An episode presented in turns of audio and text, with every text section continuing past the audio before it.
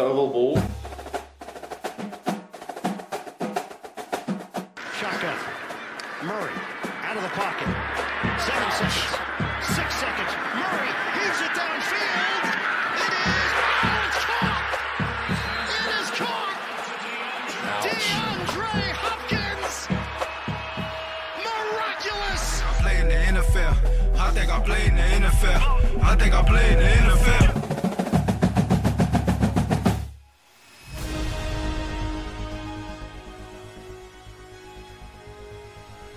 I denne ukas episode av Ovalball skal vi se nærmere på quarterback-posisjonen. Vi har studert en legende. Vi har rangert de beste quarterbackene i NFL. Du får også faste spalter som ukas flagg og hva som har skjedd i NFL. Fotball til folket.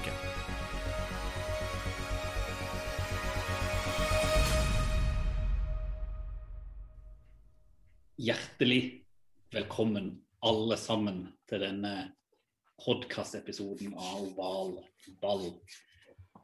Eh, I vårt virtuelle studio, som vi ennå sitter pga. dette H-helvetes viruset, har jeg med meg gymlærer Syversen eh, og vår kommunikasjonseminente mann eh, Kenneth Karlsen. Hjertelig velkommen.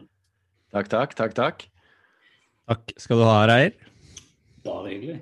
Det er jo sånn at vi, vi, har, liksom, vi har sakte, men sikkert bygga oss opp. Og, og Stian, jeg vet at du har, du har vært litt i kontakt med, med våre lyttere denne gangen.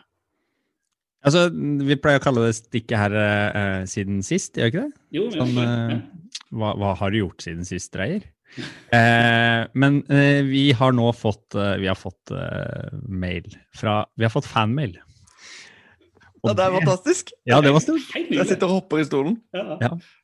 Og det var fra utrolig hyggelig mail som vi fikk tilsendt fra Sander Daleng, som ville dele med oss en, eh, eh, en research han hadde gjort om, om draften. Og der snakker vi jo seriøst arbeid. Vi snakker jo som om at eh, det er en uh, mulig vinner av uh, sånn mockdraft-NM, som vi også tenker å delta i her.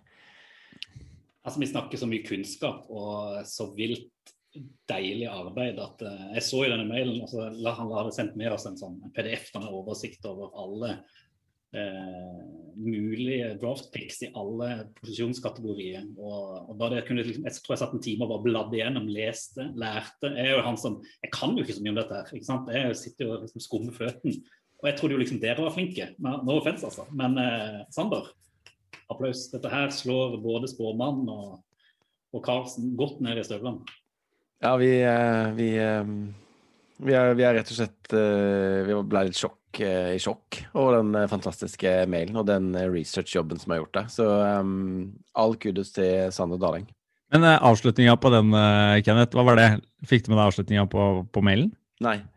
Der sto det 'fotball til folket'. Ja, selvfølgelig. Fotball til folket. Det er jo det vi står for. Ja. Det er det vi står for. Jeg lurte jo på, eh, Apropos fotball til folket. det er jo liksom sånn, Siden sist og sånn, Jeg har bare lyst til å gi en liten charter til, til det er jo, Vi må nesten si våre venner. altså Amerikansk fotball har relansert nettsida si og relansert eh, podkast. Det er jo dedikert til hovedsakelig amerikansk fotball i Norge. Eh, amfotball.com. Så jeg vil i hvert fall anbefale å sjekke det ut. Der er det for alle som liksom har en interesse. Så, så, så sjekk det ut. Litt NFL-stoff er der òg, men oval ball, selvfølgelig det er der hovedsida eh, for folket når de skal sjekke ut eh, hva som skjer i, i NFL. Men apropos folkereier. Ja. Du på en måte er jo litt mer folk sånn i forhold til oss her på denne poden. I hvert fall sier du det selv, da. Ja. Men eh, du, du var jo liksom den første som, som blei på en måte gira på NFL av oss. Ja, nå har han bare lent seg bak en sånn Jeg lener meg tilbake og stiller litt spørsmål til uh, dere to andre nek som sitter her og Ja, det, det, det som er så mye deiligere, for jeg slipper, jeg slipper å forberede meg så veldig. Jeg, jeg kan jo ikke så jækla mye, jeg bare syns det er dritgøy. Og jeg er jo på en måte når i, i vårt eh, stikkord, altså i vår sånn her eh, motto 'fotball til folket', er jo definisjonen for folket. Syns det er dritgøy, kan ikke så veldig mye, men liksom bruker masse tid på det. Og grunnen til at jeg ble interessert i NFL, det er jo liksom det som er ironien. det er at det er jo jeg har hatt en sånn sidegeskjeft. Jeg har, jeg har drevet masse med Saudi-Arabia og Jemen. Jeg bodde i Saudi-Arabia for, for, for ti år siden. Eh, og der er det jo sånn at eh, det, det er jo et land hvor alkohol er forbudt, bacon er forbudt. Så da, da har man jo et problem hvis man, som er ganske glad i begge deler. Det er det du fråtser i nå? det, det, skal man kose seg, så fråtser man i det. Så da innså vi jo da at når jeg hadde bodd der i noen uker, jeg kom ned på, på, på våren, eh, så var det sånn at den eneste måten å få tak i øl og bacon, det var å komme seg på den amerikanske ambassaden. Og Da viste det seg at eh, en, en, mulighet for å komme seg inn på den amerikanske ambassaden, dette tror jeg var i 2011, eh, det var å melde seg på eh, Superbowl-party. 2000, Nydelig, da. på den amerikanske ambassaden. Og Det er litt sånn, det er kultur. Akkurat da jeg, liksom, jeg, visste hva NFL var, men det var liksom på det nivået at jeg kunne ikke reglene. Jeg var sånn, ja, ja. Så vi meldte oss på fordi at det var øl og bacon i stor grad. og liksom, Vi kunne kose oss. Kom inn der. Om ikke jeg husker helt feil, så tror jeg det var Steelers Green Bay Packers som var Superbowl-finalen. Hvor da Aaron Rogers vant knepent. Og jeg husker, jeg, liksom, jeg husker, bare tilbake der at det var, liksom, det var øl og bacon som var veldig, veldig, veldig viktig i begynnelsen. Og så var det òg viktig med øl og bacon videre, men til slutt så var det liksom, jeg ble sittende oppe til langt på natt der for å liksom, se denne kampen og begynte å skjønne det og syntes det var sykt fascinerende. Og siden der så har liksom sånn steg for steg så har det utvikla seg en sånn sterk kjærlighet. Uh, jeg er jo ikke blitt sånn som dere, at jeg bare hopper inn sterkt. Liksom. Jeg har ikke mista det, men jeg bare syns det er så sykt gøy. Og så har jeg fått dere med etter hvert. bare at Jeg har på noe holdt det på et sånt stabilt nivå. Dere var liksom rookies, og så hadde jeg bare gått midt inn i liksom statskista og drukna. Men det er jo derfor vi har starta ovalball, for det er jo det som er så jækla gøy. Vi utfyller hverandre, syns jo jeg iallfall. Ja, det er, det er, helt fantastisk. Og du er jo på en måte en av hovedgrunnene til at jeg eh, ble gira. For jeg hadde jo kikka litt, og så var det jo på en måte ikke så mange å snakke med om det. Så møttes vi på en fest og begynte å prate om det, og da trigga det noe veldig. Og så, ja, de Baker Mayfield-samtalene alt det der har vi snakka om tidligere. Så, så har bygd seg rolig opp, da, eh, for meg. Så, men eh, nå har det jo selvfølgelig tatt litt, litt for mye av, kanskje. Men eh, det er jo veldig gøy. Veldig, ja. veldig gøy. Og dere er jo grunnen til at jeg begynte å følge med da. Men, eh, men dere, nå, nå, tenker jeg at nå, nå, er det nok prat om eh, liksom, gleden med, med, amerikansk fotball for oss personlig. Eh, jeg tenker at vi må, vi må liksom ta steget inn i, i poden. Eh, men bare, jeg vil minne om, siden vi tross alt er Vi lever for folket. Det er fotball til folket. Husk oss på sjekk, altså Send oss melding på Twitter, ovalballpod, eller på Facebook med samme eh, adresse. Eller send oss selvfølgelig en mail, som Sander gjorde. Er det noe du lurer på, har du innspill, et eller annet, til kontakt etter ovalball.no. Så skal du ikke se bort ifra at uh, du kommer på, på lufta. Kanskje du blir publisert på nettsida. Kanskje vi diskuterer det og hyller det for det du bidrar med. Så takk til alle dere som lytter på, på allerede.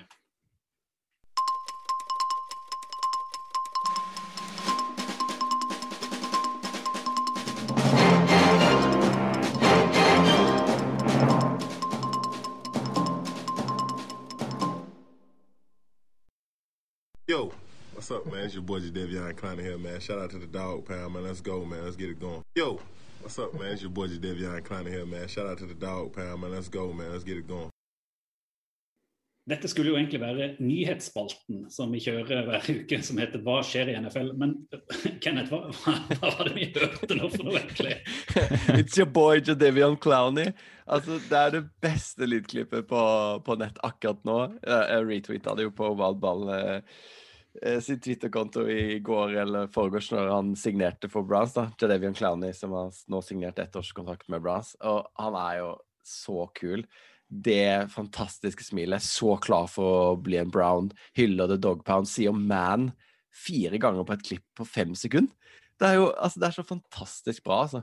Så, um, så, jeg tenkte det der måtte vi ha med i nyhetene. Det er jo en viktig nyhet òg, kan man jo si. Altså du skal forklare, forklare dette for folket, hva, hva er nyheten? Ja, nyheten er jo, er jo Nå ble jo så rotete inngang her, men han er bare Det var så morsomt, det klippet. Uansett, han eh, jo, var jo tidligere number one uh, draft pick. Eh, nå husker jeg ikke årstallet akkurat, men eh, han er en edge rusher. Eh, for øvrig det vi har valgt for Browns i draften, så kanskje det blir en endring der på 2-0. Vi får se.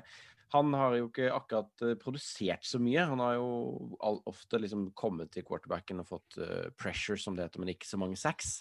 Han var ett år i, i Seahawks og gjorde det ikke så bra der. Og så nå er han signert for Browns på en ettårskontrakt til verdi 10 millioner, da. Så nå har jo de to nummer én picks i draften da, som edge rushers da, i han og Gareth. Og på papiret ser det jo helt fantastisk bra ut.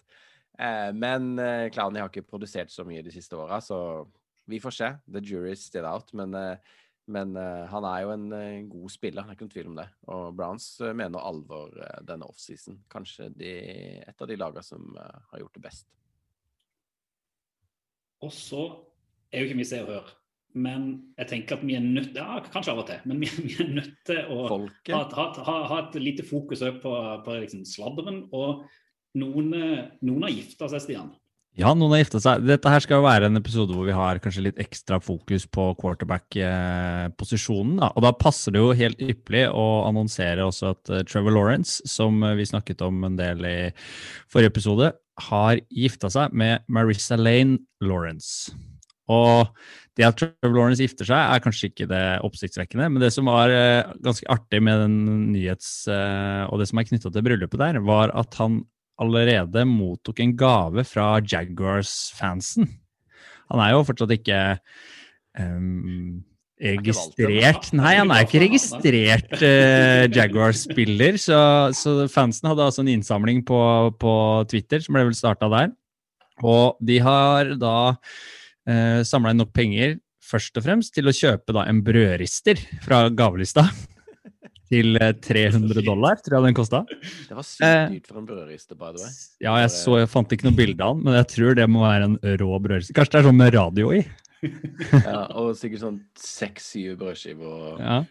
Litt det er deilig at du har en brødrist og 300 dollar på gavelista di. Da er du, da er du future superstar. Men dette tok fyr da, på Twitter, så de har samla inn enda mer penger som de har tenkt til å la eh, Trevor Lawrence få velge et veldedig formål å donere disse pengene til. Så det er jo strålende jobb av Jaguars-fansen, og utrolig morsomt å, å, å få den nyheten også servert nå i disse draft-tider. da. Man ser jo også Sports Illustrated sitt May-issue, da. Kom ut forsida her i går, tror jeg det var, med da vår mann Trevor Lawrence sittende i en lenestol med vind i håret og en fotball i hendene.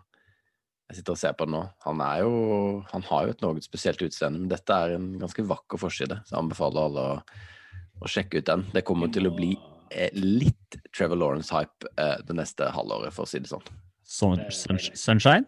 Sunshine-hype, altså. Vi må få lagt ut det bildet hvis vi finner det på Twitter-kontoen vår, sånn at eh, folk kan få, få sett det. Det syns jeg det, det, folket fortjener. Eh, mens, vi, mens, vi skriver, mens vi prater med en som har starta karrieren sin, så er det jo en som har lagt eh, Går det an å si skoene på hylla, selv om det er fotball? Vi, vi sier det. Hanskene? Hanskene i ja, skuffen, på en måte. Ja. Ja. Og Diskusjonen her går jo rett og slett på liksom, han er en legende, men er han en legende nok til at han kan ende i Hall of Fame? Hvem er det vi prater om her, eh, Kenneth? Vi prater om eh, Julian Edelman, eh, wide receiver på, på Patriots.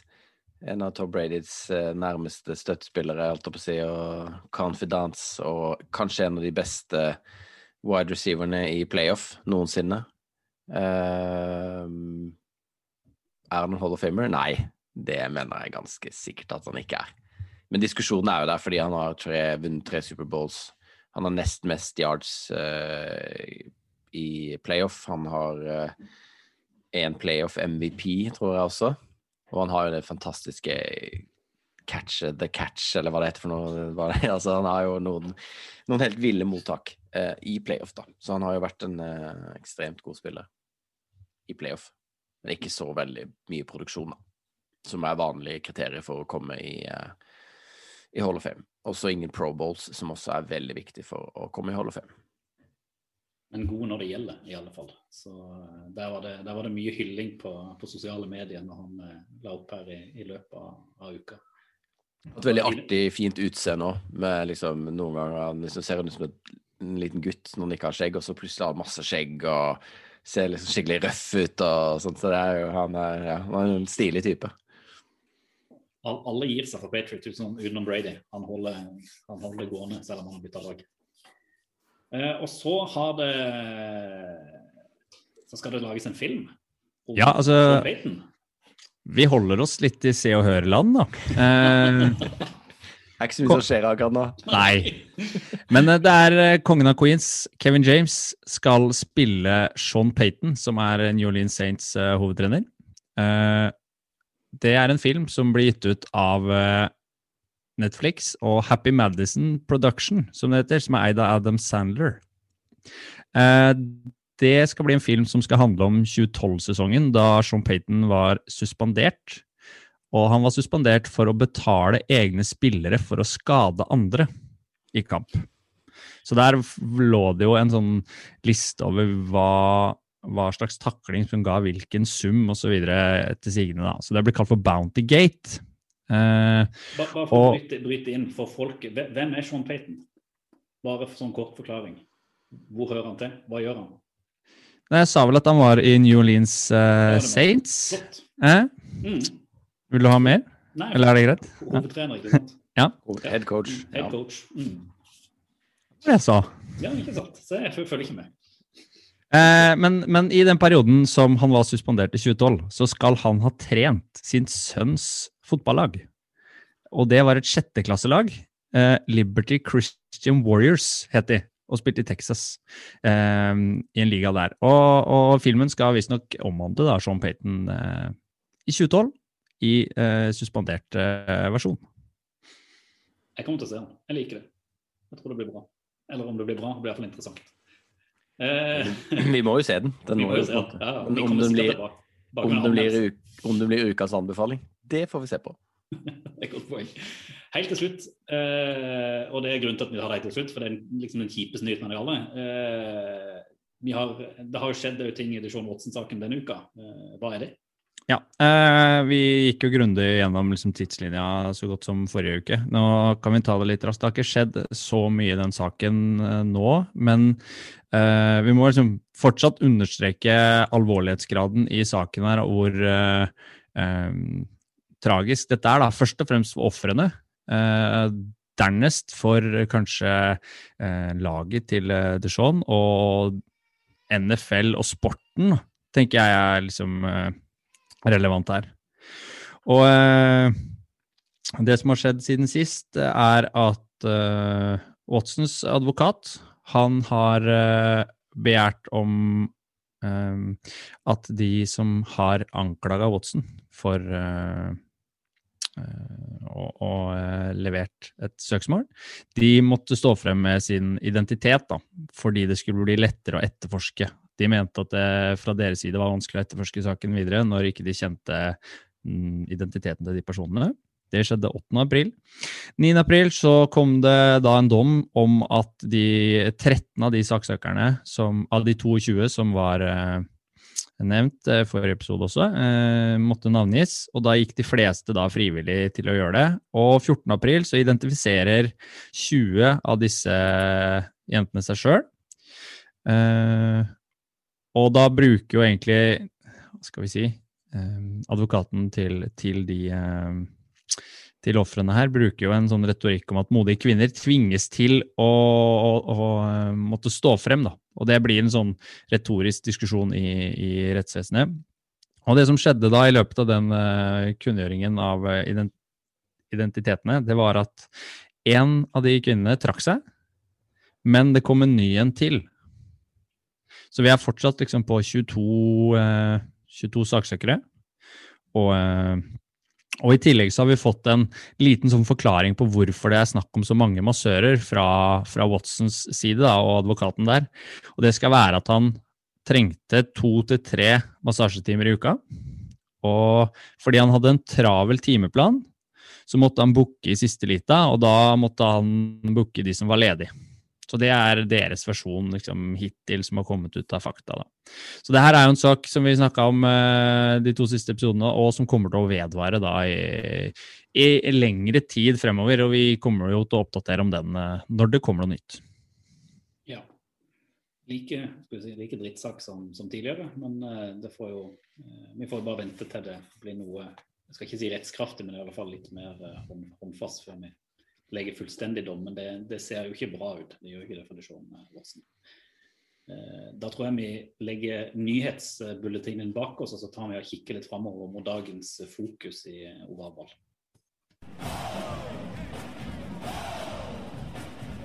Ovalball. Fotball til folket. Ovalball er lagd som en pod, fotball for folket. Og eh, med den bakgrunnen så har vi lyst eh, framover, eh, kanskje ikke hver episode, men der det passer seg, å ha en eh, egen spalte som vi kaller Ukas posisjon, hvor vi prøver å rett og slett beskrive, forklare og fortelle litt om alle de ulike posisjonene ute på banen i amerikansk fotball.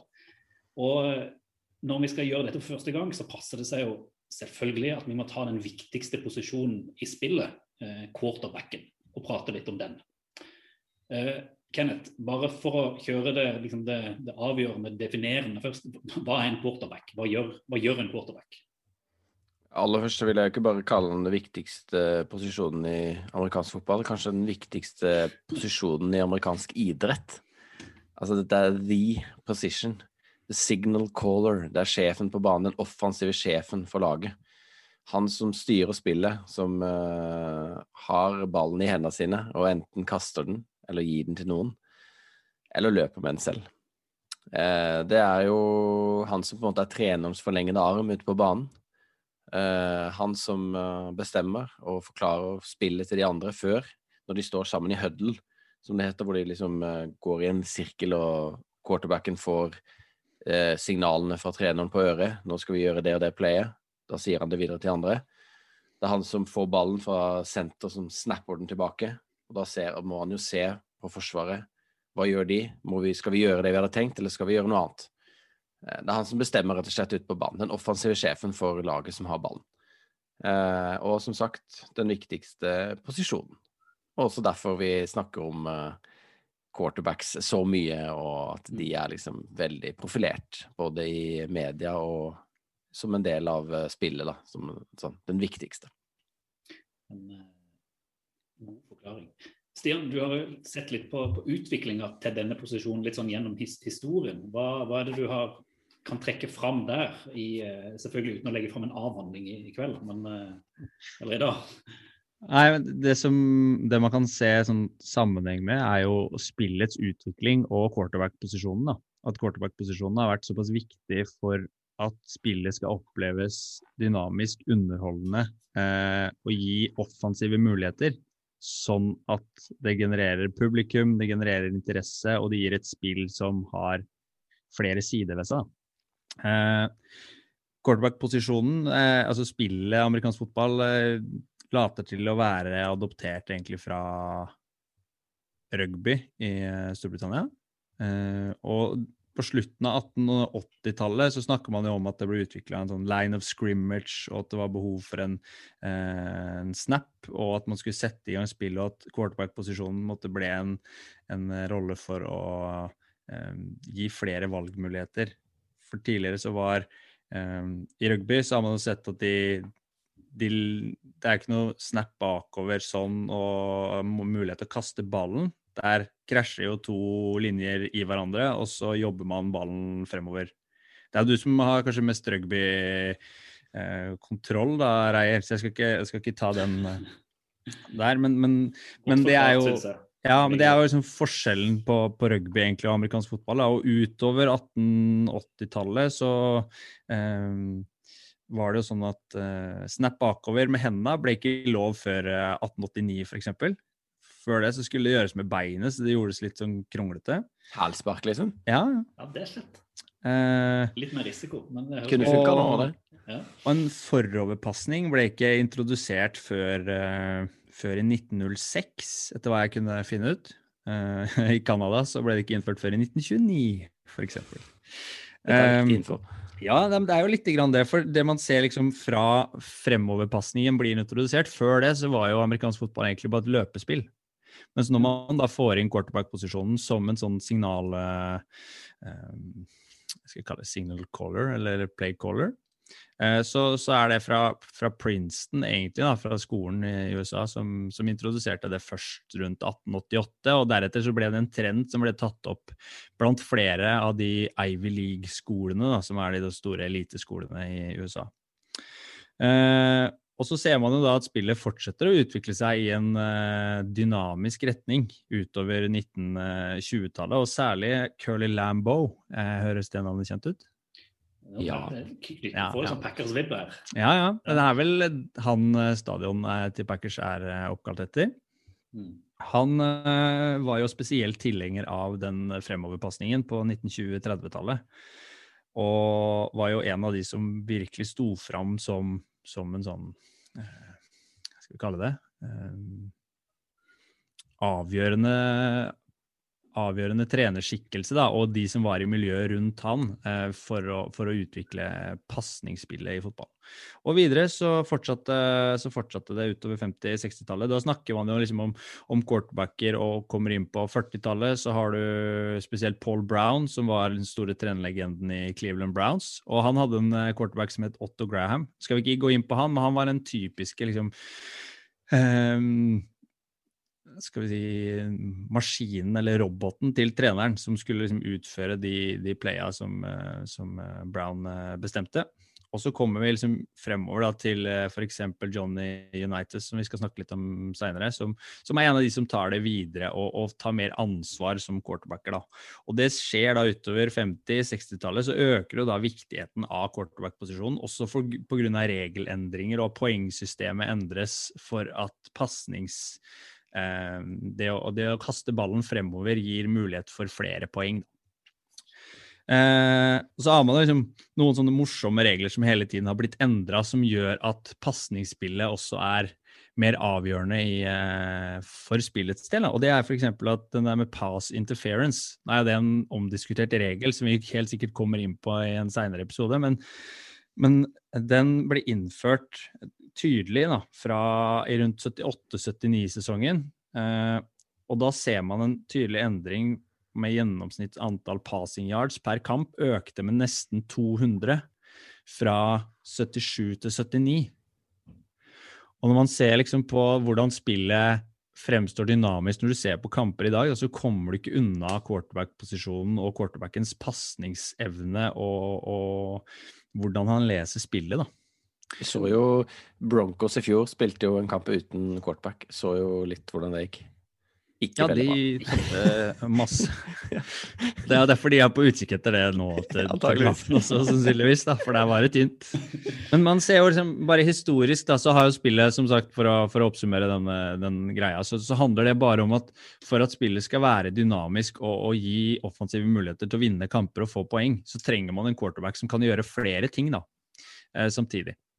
Så, så, det er viktig. Og du, Kenneth, du har vel Har ikke du sett litt på kortbakkene som, som uh, regjerer i NFL nå? Jeg har det. Noen har kalt det pølsevev, men uh, jeg mener jo at uh, dette er en helt habil ranking av de beste ti beste quarterbackene i NFL akkurat nå. Den ligger uh, ute på ovalball.no til å lese og nyte og irritere seg grønn over for ganske mange, vil jeg tro. Det kan man men, gjøre. Jeg skjønner ikke hvorfor det skal irritere så mye, men, uh, men nå er det jo jeg som har skrevet den, så er det kanskje derfor. Uh, for å ta fort igjennom den, da, så er det jo på en måte kanskje ikke overraskende Patrick Mahomes som er nummer én. Den ubestridte beste quarterbacken i NFL akkurat nå. Hvor, hvor, har du bare sånn, Hele lista trenger vi ikke gå gjennom, men hvor har du plassert Tom Brady? Tom Brady er nummer fem. Og det, jeg ville ha han egentlig hatt han enda lavere, men Stian terroriserte meg på melding i den siste uka, og eh, derfor endte han opp på femte. Ja, for det, det her må bare forklare, sånn for meg sitter utenfor. Tom Brady setter på som kanskje den beste quarterbacken gjennom tidene. Hvorfor, ja. Ikke, hvorfor, ikke, hvorfor ikke han på nummer én på en power ranking? Altså, det er jo forskjell på å være den beste spilleren og ha det beste laget, på en måte. Eh, Messi har alltid vært den beste fotballspilleren i de siste åra, men han har ikke alltid vunnet Champions League eller La Liga av den grunn. Eh, og det er litt det samme her. det var det som var kritikken da på, på Facebook, da, at, vi, at, Brady var for lavt. Men eh, jeg mener hvis man ser liksom utelukkende på Brady som quarterback, så er han jo for det første 43 år, han kan jo ikke løpe. Eh, Alder er ikke noe, det er ikke noe argument. da. Når du skal rangere quarterbacker, så må du rangere de etter prestasjoner. Ja, ja. Eller etter... hva, hva, har du liksom lagt i Nei, Jeg har jo lagt i power rank den, altså hvem er best i posisjonen. Eh, du vil jo ikke ha, hvis du kunne velge mellom Mahomes og Rogers og eh, Watson er jo plassert på lista, da, men det er jo litt mer sånn Ja, jeg vet ikke hva som skjer med han. Eh, og Russell Wilson Lamar Jackson, Dac Prescott, Justin Herbert Hvem ville du, valgt, vil du valgt Brady foran de? Altså Hvis du skulle bygge et lag det er jo ikke, Du vil jo ikke det. Du vil jo ikke ha en statisk gammel fyr, på en måte. Selv om han er jo helt fantastisk. Han er jo, kommer jo til Tampa Bay og, og bare hever nivået på hele seksjonen der. Men du skal ikke glemme det fantastiske laget han har rundt seg. Nei, men du kan jo, hvis du skal, når du først setter opp en power ranking, så handler det jo kanskje om å se på hvem er best akkurat nå. Ja, ikke hvem- tenke på alle andre er- faktorer rundt. da. Er ikke Brady liksom Burde Ikke han vært litt høyere på den lista? da? Ikke som quarterback, hvis man skal tenke som posisjonen, sånn som posisjonen er. Så dag, da. jeg, jeg tror jo egentlig at han eh, Han eh, Han burde kanskje vært topp tre, eller? Ja, det får være din mening, da. Men eh, jeg står ganske støtt i det jeg har skrevet her, altså. Det vil jeg si. Jeg jo, jeg, altså, jeg skal si jeg er enig med deg, Kenneth. Jeg synes Ja. jo som, som, som quarterback så, så, eh, så syns han kunne gått enda lenger ned på lista. For det er flere der som jeg, jeg synes er flinkere i posisjon, men spiller på lag hvor de kanskje ikke får ut potensial. Eller Og det er det det handler om. Det er det denne rankingen handler om.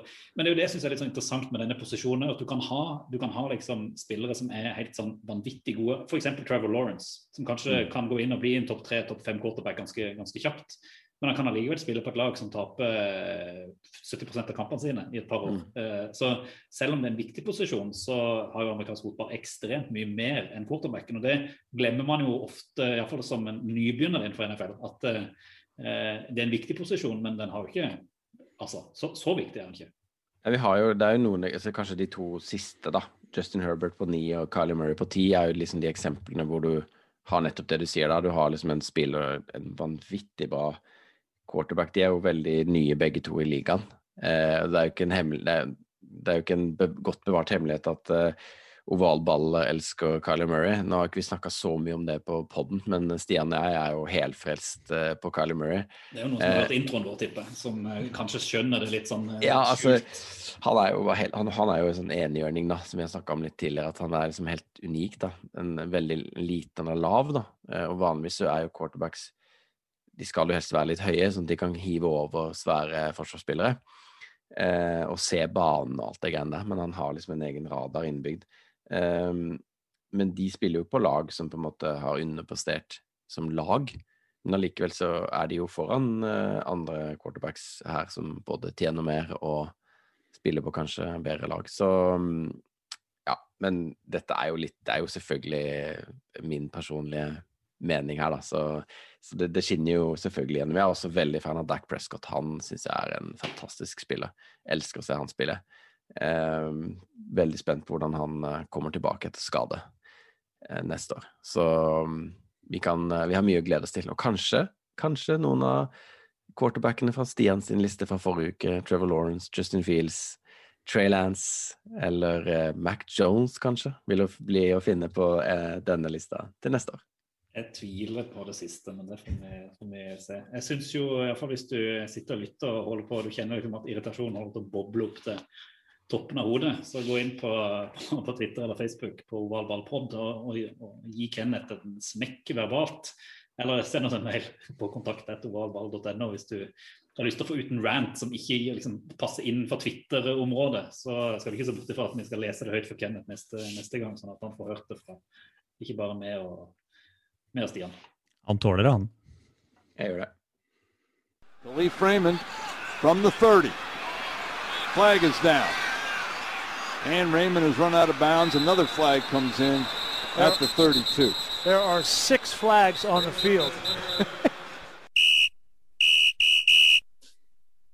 En fast spalte i oval ball er at vi eh, i gode fotball for folkeånd prøver å gå litt gjennom regler i amerikansk fotball i spalten Ukas flagg.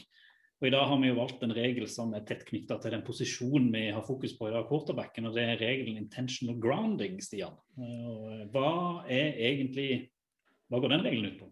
Vi har jo knytta det til det vi eh, Det som går på pasningsspillet til, til quarterbacken. Og intentional grounding, det er en, eh, et flagg, eller en feil, eh, når den som passer, skal passe ballen, presses såpass av Forsvaret, eh, og sånn at han ser ut til å tape yards, egentlig. da. Og så kaster han en pasning fremover som ikke ser realistisk til å kunne tas imot.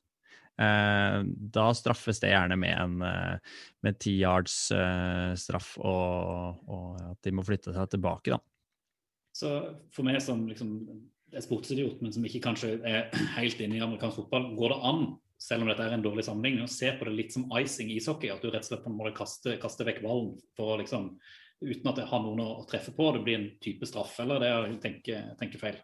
Ja, du kan jo se for deg at når uh, quarterbacken tar imot snappen og rygger kanskje litt bakover, så dannes det en slags korridor på, på, siden av han, og han har medspillere som løper i visse posisjoner, og det å kaste mot de vil jo ikke være intentional grounding.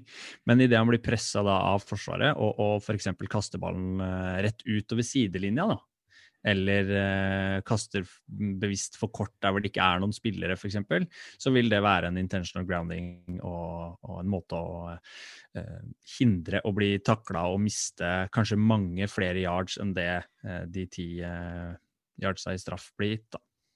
Eh, og Dette er vel en av mange regler som vi sikkert kommer inn på senere, som er lagd for å få liksom, flyten i spillet, for å sikre at man ikke liksom, at ikke det ødelegger spillet, som man er ganske god til i, i amerikansk fotball. Eh, Kenneth, du har jo liksom tanker rundt altså, Det er jo alltid en sånn regelutvikling. og jeg synes jo liksom en av disse, Denne regelen her er jo en god regel, fordi at det tvinger quarterbacken til å eh, måtte prøve å enten kaste eller ta liksom, den taklinga og, holde, altså, og bli sekka. Og at du ikke på en måte kan slippe unna den der, litt av den fighten når snappen går.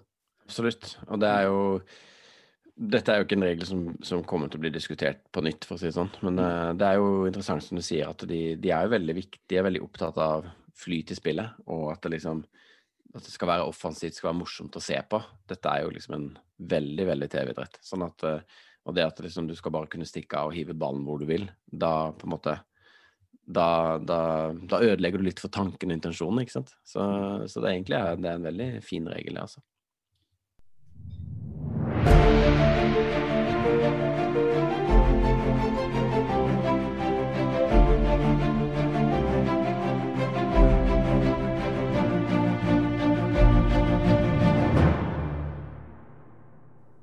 Hver uke i Oval ball så tar vi et dypdykk, vanligvis rett inn på vår egen hjemmeside ovalball.no, hvor vi prøver å publisere i alle fall én tekst som gir eh, innsikt i noe innenfor eh, NFL og amerikansk fotball. Og denne gangen så har vi publisert en eh, tekst hvor vi kanskje lurer på om vi har omtalt den første moderne quarterbacken, Johnny Unitas som spilte i Baltimore Colts. Eh, og rett og slett prøvd prøvde å beskrive litt hvorfor han har blitt kalt den eh, kanskje første moderne quarterbacken. Eh, hvorfor han eh, blir sett på det, hva han gjorde, og det ryktet han har fra når han spilte på 50-tallet, om jeg ikke tar fullstendig feil. Eh, Stemmer. Han deltok jo eh, i det som har blitt kalt den beste kampen noensinne i 1958 mellom eh, Baltimore Colts da og eh, New York Giants. Eh, Johnny Unitas har jo eh, Da jeg ble sittende det, er Grunnen til at jeg skrev teksten, da, den, det kommer jo av at man blir sittende ofte i sånne YouTube-klikk og jobbe seg videre og kommer inn på visse ting som er interessant. Så, så kom jeg inn på den, eh, den kampen eh, fra 58 og syntes det var eh, det var litt merkelig kanskje å se en kamp i svart-hvitt sånn på YouTube. Det er jo for spesielt interessert i det. Men, ja, det, det. men merka meg at han ble kommentert eh, ganske hyppig, og da havna det også flere videoer liksom, om United som ved siden av, så man blir sittende og se mer på det. Og så går man inn og leser videre, og, og jo mer jeg leste om han, da, jo mer fremstår jo han som en sånn uh, særegen uh, spiller som uh, egentlig litt mot alle odds, som mange andre historier i NFL viser seg å være, um, var en quarterback som som hadde et stort register. Da til å være på den, eh, den tiden på, på 50-tallet. For da var vi innom i stad hvor, hvor, utviklende den rollen egentlig har vært, da, og at det virkelig kanskje fra, fra 50-tallet skjøt fart når man ønska en, eh, ønska en eh, fremoverpasning. Og han hadde kallenavnet The Golden Arm, og det sier jo egentlig mye om hvor mye han sto for selv. Han var også en spiller som, som uh, mange plays sjøl. Eh, og hadde i tillegg en del andre egenskaper. da, så Man, man kan jo gå inn og lese artikkelen for, for å få hele det store, store bildet der. Men, men, han står jo nå på sokkel utenfor hjemmebanen til Baltimore Colts. Og han er innlemma i fotballens Hall of Fame. Han har vunnet Superbowl, han har fått uh, deltatt i flere Pro Bowls og er virkelig en av de uh, legendariske store quarterbackene og blir gjerne nevnt i når man snakker om hvem er de beste NFL-spillerne gjennom tidene, så dukker han, eh, han alltid opp da, i den diskusjonen. Han er jo en klassisk enhjørning, da. Det som vi har snakka om tidligere. De som på en måte løfter spillet, tar et nytt nivå. Uh, ja. Jeg likte veldig godt at han uh, fikk brekt nesa og kom inn igjen og bare spilte videre. Og det at han calla sine egne plays, at han styrte faktisk hele kampen. Han var liksom ikke bare treners forlenga arm. Altså, det er jo litt uh, Det var vel også veldig nytt på den tida. Ja, det var jo i en tid hvor man også dreiv med mye løpespill. Eh, og han hadde jo gode, dyktige, dyktige, løpespillere rundt seg, men han var også flink til å utnytte de, som også er en, en viktig egenskap ved, ved quarterbacker, samtidig som han styrte opp og, og spilte pasninger selv. Og, og, den kampen kan vi jo helt sikkert snakke, snakke mye om, og vi skal kanskje ta det opp eh, i det følgende seinere i episoden også. Eh, driver nå og leser en bok av Mark Bowden som handler om eh, nettopp den kampen. Så der har jo Johnny Unitas han er jo dedikert et helt kapittel til. Det høres ut som en ekte amerikansk uh, superhelt. Jeg hørte, jeg, hørte, du sa Baltimore Colts, det er vel Baltimore Ravens når denne statuen står, står, utenfor. Men det er jo en ting vi må diskutere litt seinere i OL-ball.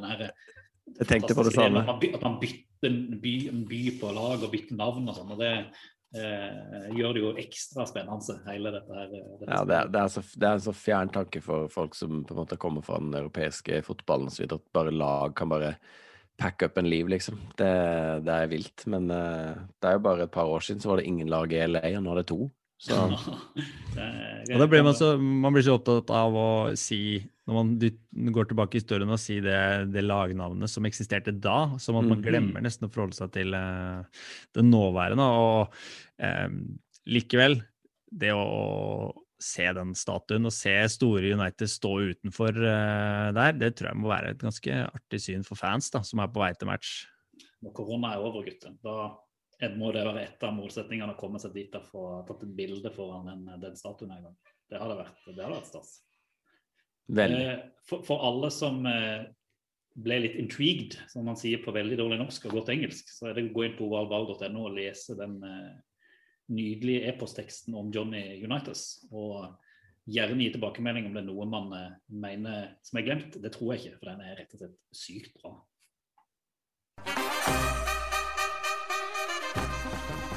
Det er det beste jeg har hørt.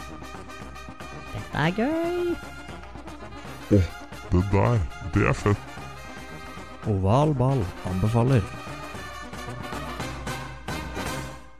Oval ball, som dere skjønner, vi elsker veldig mye. Vi, vi, elsker ekstremt mye. og Dermed er det viktig at vi kan bruke litt tid i hver podkast til å anbefale noe til dere lyttere. Og siden vi prater om, eh, om quarterbacker, så tenker jeg det er viktig da å ha fokus på å anbefale rett og slett én quarterback. Uh, og det må jeg si at det er jo han, den quarterbacken som gjorde at jeg ble ekstremt interessert i NFL. Også når man oppdager denne quarterbacken på sosiale medier, og på Instagram ikke minst, så er det bare, da er det bare det, det bare alt blir bare riktig, og for noen er helt feil. Og jeg prater selvfølgelig om Cam Newton sin Instagram-konto er dagens anbefaling. Og Ken, hva, har, hva, har, du å si om den Instagram-kontoen? Ja, altså, du fikk meg hekta på Cam uh, i sin tid og begynte å følge ham på Insta. og Cameron One Newton. Uh, han er jo bare helt enorm. Uh, mye klær, kan man si. han liker å gå med skaut. Han, han, deler veldig mye av livet sitt med trening og med, med ja, dedikasjon til spillet og til mye kjærlighet. Veldig mye kjærlighet. Fantastisk konto. Fantastisk sitt konto. eget språk tilnærmet på hvordan ja, han skriver. Til eget tekstspråk. Mm. Ja, som er, er, Litt vanskelig å lese, vanskelig men å lese.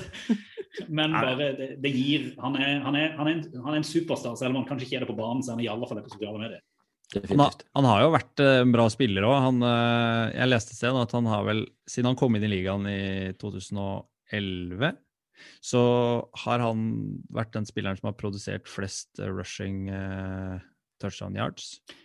Ja, altså, han er jo, Det var jo grunnen til at ja, for når jeg ble hekta, sånn ordentlig hekta, så var jo han quarterback for Carolina Panthers. Det var det året de vant eh, Eller ikke vant, de tapte Superbowl-finalen 2017. om jeg ikke tar feil. Og da er jo, han var, han var helt enormt både på rushing og på passing. Og spesielt da, så var han liksom fortrinnsfigur for en del av de quarterbackene man ser nå, som er gode til å løpe med, med ballen. Så var det liksom, På den tida var det, det var liksom Cam som var eh, det store store forbildet på hvordan du kunne kombinere de to eh, traitsene, om du kan si det sånn. Eh, og så hadde du en del andre, andre quarterbacker som prøvde å få dette. Og Johnny Football, som vi bør prate med en gang, som har forsvunnet helt ut, som spilte på samme tida i, i, eh, i Cleveland Browns. Kan komme tilbake til det. Men eh, nå har jo, altså han har jo blitt takla mye, han har vært mye skada. Han har mista mye av mobiliteten, han har fått en dårligere arm. Så Men han, han- er ikke, han er ikke like god nå, men altså tilbake på sitt beste så var han jo, jo fantastisk på banen. Men han er ennå, og det er viktig å understreke her, han er så fantastisk på sosiale medier og på Instagram. Han er Ja. Men han var jo, bare for å si litt om sesongen som var nå, så var han jo kanskje den viktigste offensive spilleren til eh, Patriots i, eh, til å skape touchdowns og poeng. da. Så han har jo, har ikke falma helt, og han har jo skrevet under ny kontrakt. Og man ser jo han trener nå på, på Instagram til eh, eh, alle døgnets tider, egentlig. Absolutt. Absolutt. Vi gleder oss til sesongen.